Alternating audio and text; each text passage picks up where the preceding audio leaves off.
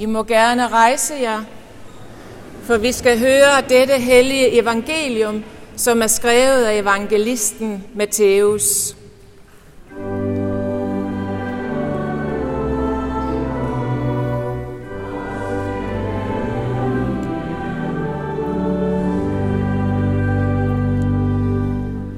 Jesus sagde, når menneskesønnen kommer i sin herlighed, og alle englene med ham, der skal han tage sæde på sin herligheds trone.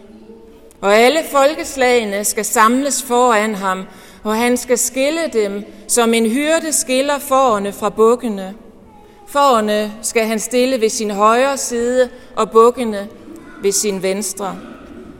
Der skal kongen sige til dem ved sin højre side, Kom, I som er min fars velsignede, og tage det rige i arv, som er bestemt for jer, siden verden blev grundlagt. For jeg var sulten, og I gav mig noget at spise. Jeg var tørstig, og I gav mig noget at drikke. Jeg var fremmed, og I tog imod mig. Jeg var nøgen, og I gav mig tøj. Jeg var syg, og I tog jer af mig. Jeg var i fængsel, og I besøgte mig. Der skal de retfærdige sige, Herre, hvornår så vi dig sulten og gav dig noget at spise, eller tørstig og gav dig noget at drikke? Hvornår så vi dig som en fremmed og tog imod dig, eller så dig nøgen og gav dig tøj?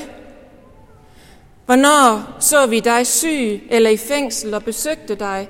Og kongen vil svare dem, Sandelig siger jeg jer, alt hvad I har gjort mod en af disse mine mindste brødre, det har I gjort imod mig.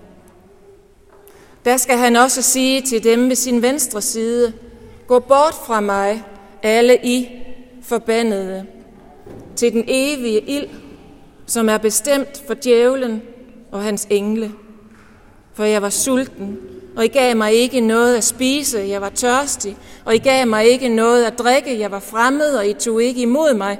Jeg var nøgen, og I gav mig ikke tøj, jeg var syg og i fængsel, og I så ikke til mig.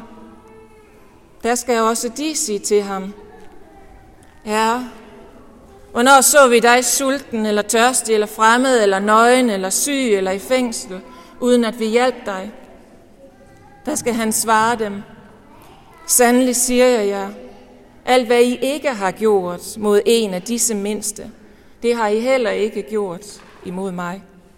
Og de skal gå bort til evig straf, men de retfærdige til evigt liv. Lad min munds ord være der til behag. Lad mit hjertes tanker nå frem for dit ansigt. Herre, min klippe og min genløser. Amen. Og værsgo og sid.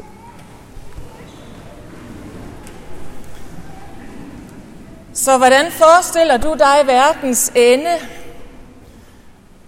Hvilke tanker har du gjort dig om, hvordan alt det her skal slutte? Hvor mange af os har egentlig sat os ned og overvejet det sådan seriøst? Vi ved jo, at det mål, vi har os for øje, bare med mindre ting i livet, det bestemmer, hvordan vi bevæger os fremad i livet, hvilke valg vi tager os. Den, som for eksempel vil dyrke en speciel sportsgren, måske på elite-niveau, eller vil have et hus ved vandet, tager nogle valg i forhold til, hvordan man bruger sine penge og sin tid, hvem man er gode venner med osv. Og hvis jeg nu skulle give mit bud på, hvilke forestillinger, som på den store klinge, den verdenshistoriske, hvad det er for nogle mål, vi har for os, altså hvilke forestillinger vi har om verdens ende, så kunne jeg for eksempel pege på klimakrisen. Der er mange vage forestillinger om, hvad klima, klimakrisen den bringer med sig. Og de er ikke alle sammen negative.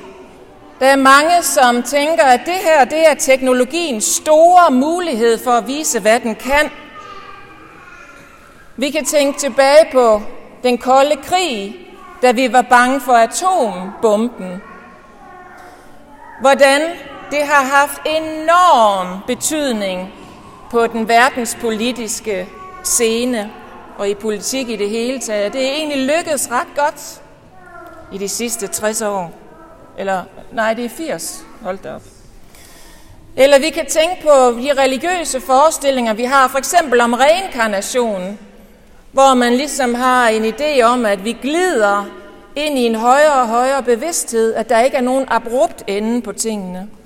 At vi modnes ind i en sluttilstand. Så jeg spørger jer altså ikke om, hvad I er bange for, eller hvad vi er bange for. Jeg spørger bare om, hvad for nogle forestillinger på verdens historisk plan, der har betydning for vores liv. Og nu vil jeg præsentere den påstand for os alle sammen, at jo længere man trænger ind i det bibelske univers, jo mere får man lyst til at have Matthæus 25, vers 31-46 som sit endemål og sin forestilling. Altså den beskrivelse, vi lige har hørt af det, vi kalder verdensdommen. Sådan kaldte Jesus det ikke. Men han beskrev tre dage før han selv skulle dø, at uanset hvordan verden kommer til sin afslutning, så vil det have i sig, der vil ske det, at han selv kommer i hele sin herlighed for at opdele alle mennesker i to grupper. Den ene vil blive bedt om at tage det evige rige i arv, som Gud har forberedt til alle sine mennesker, og de andre vil blive vist bort. Og jeg ved godt, at det her, det får jeres pigge til at stride lige med det samme og næsten instinktivt. Som de rejser sig på en pindsvin, der ikke vil være med mere. Men hæng på lidt. Mine pigge strider også. Men jeg er forpligtet til at gå foran ind i de svære tekster, så det gør vi nu. Og lad mig bare sige, at vi bliver overrasket, når vi tør gøre det ved bibeltekster, for vi opdager, nogle overraskende ting, blandt andet, at der, hvor vi strider mest imod, der er der oftest mest at hente, hvis ikke vi bakker ud. Og allerede ved den første sætning i den her beskrivelse, der træder vi ind i en verden, hvor enhver nærdøds oplevelse, som vi må have hørt om eller selv har oplevet, fuldstændig falmer. For vi får at vide, at hele verden, alle folkeslag er i bevægelse. De samler sig foran menneskesønnen, som lige er kommet i hele sin herlighed med alle englene. Alle engle. I Bibelens sidste bog, som handler om, hvad der skal ske i de sidste dage, som er totalt kryptisk, og man spørger sig selv, hvad skal vi bruge den til? Men der er en scene, hvor man får et tal at vide, og det er tallet på de engle, som træder frem i den scene. Og der står, der er mange engle. Og ved I, hvor mange der er? 10.000, 10.000 og 1.000 tusinder. Det er det, der står. Altså, som når børn de siger 10 milliarder, trillioner, billioner, men man ved ikke, hvor stort det er. Og det beskriver kun mange engle. Så lad os forestille os, hvad det vil være, at alle engle er til stede. Der må være et lyshav af dimensioner, som man slet ikke kan forestille sig. Sammen med det menneskehav, der bliver opslugt af den skønhed, der breder sig fra højre til venstre, den ene horisont til den anden. Pludselig har de nok ikke noget, de lige skal længere. Lysvæld bag ved lysvæld, der kommer væltende imod os. Og midt i alt det lys, og alle de trilliarder, billioner, billioner engle, der står menneskesønnen i hele sin herlighed. Det er den Jesus, som vi alle sammen har hørt om og har tænkt, at han hører til i børnebibler eller bibler ved film for børn. Fordi hvem kan da tro på sådan en fabulering om, at man kan gå på vandet? Det er ham, som nu står der i hele sin herlighed, så kæberne falder. Og læg mærke til tre ting her. Der er ingen, der stiller spørgsmålstegn ved hans autoritet. Der er ingen, der stiller spørgsmålstegn. Alle accepterer og anerkender det, han siger. Sådan er det. Der er ingen fra højre, der siger, godt jeg ikke er over der til venstre. Der er ingen fra venstre, der siger, gid jeg var over til højre. Der er ingen, der er overrasket over den placering, som de har fået. Det er som om, det passer med deres virkelighed. Og de kunne godt have anket dommen. For efter dommen, der er der dialog med Jesus. Jesus lytter til dem. Både dem ved højre side og dem ved venstre side. Og det er i den dialog, at tekstens budskab ligger. Og det er en anden ting, nummer to ting, vi skal lægge mærke til. Begge grupper undres over årsagen til, at de er der, hvor de er. Ikke at de er der. Og de er lige uforstående. Dem til højre, de forstår ikke, at de allerede har gjort alle de ting, vi hørte om. At de allerede har givet Jesus noget at spise og drikke og givet ham tøj og besøgt ham i fængslet, og når han var syg og så videre. Og dem til venstre, de forstår ikke, at de ikke har gjort de samme ting. Det forstår de ikke.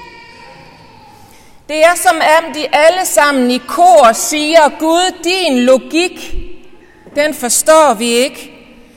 Din logik mellem årsag og virkning, den har vi aldrig hørt om. Den har, det fag har vi ikke haft i skolen. Det kan vi ikke genkende. Og det jeg nu vil sige som præst, med det jeg nu vil sige, der skubber jeg den læsning af teksten til side, som vi alle sammen er mest tilbøjelige til at lave.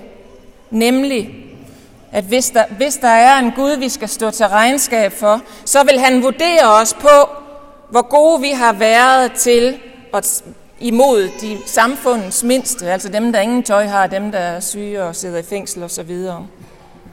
Han vil spørge, hvad har du gjort for de udsatte? Men det er ikke det, teksten handler om. Det betyder ikke, at for Jesus er det ligegyldigt, hvordan vi behandler dem, der ingen tøj har på kroppen og ikke har noget at drikke og sidde i fængsel osv. Han har en stærk mening om det. Det er bare ikke det, der er i den her tekst. For læg mærke til den tredje ting, nemlig at dem Jesus han peger på og siger, at dem har I enten givet eller ikke givet vand og drikke osv. Dem kalder han disse mine brødre.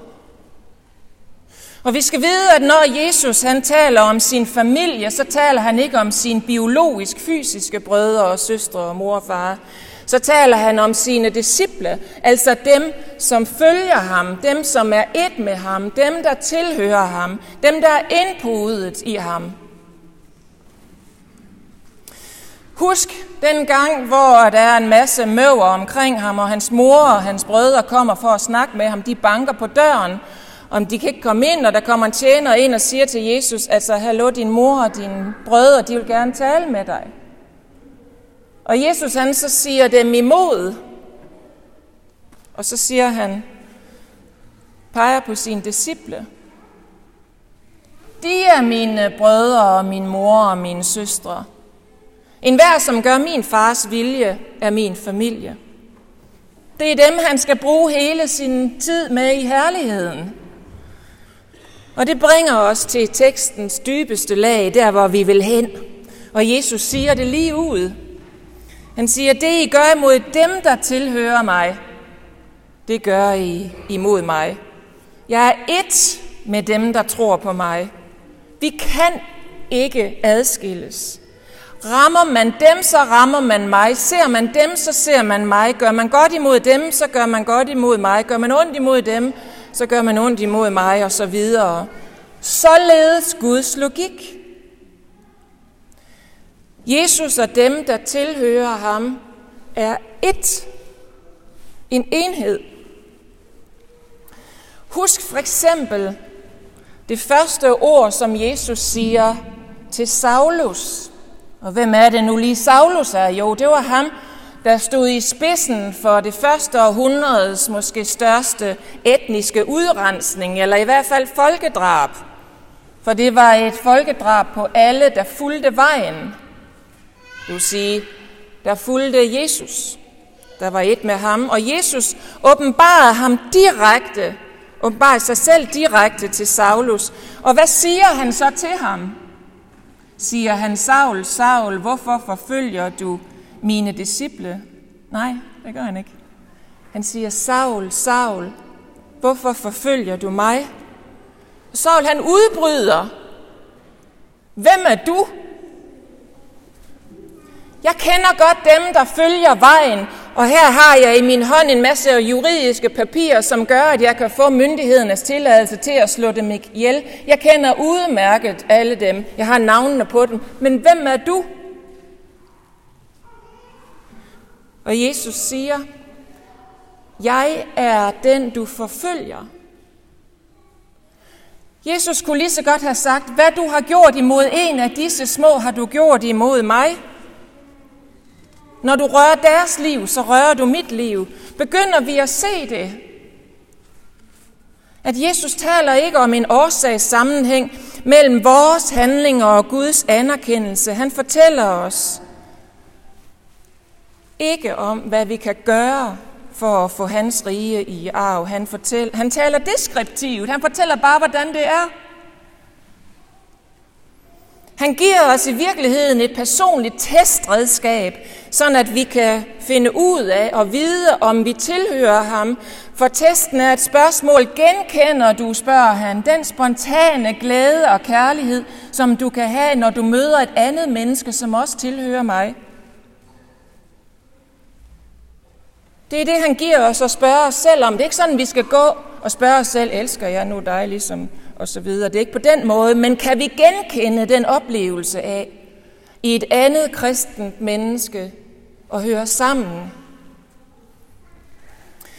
Jeg husker Olu, en afrikaner, som skulle til en gudstjeneste i den kirke, som jeg tilhørte i Chicago. Det var en stor menighed, og Olu var fra Afrika, og han var øh, et, et fremmed menneske i USA.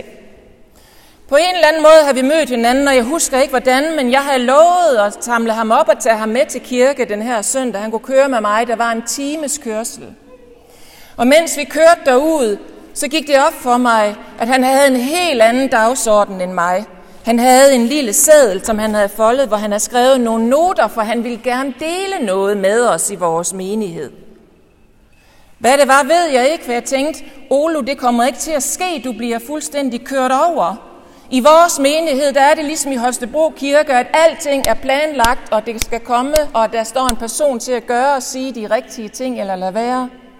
Alt er planlagt, der er ikke plads til spontane oplæsninger, som den du kommer med.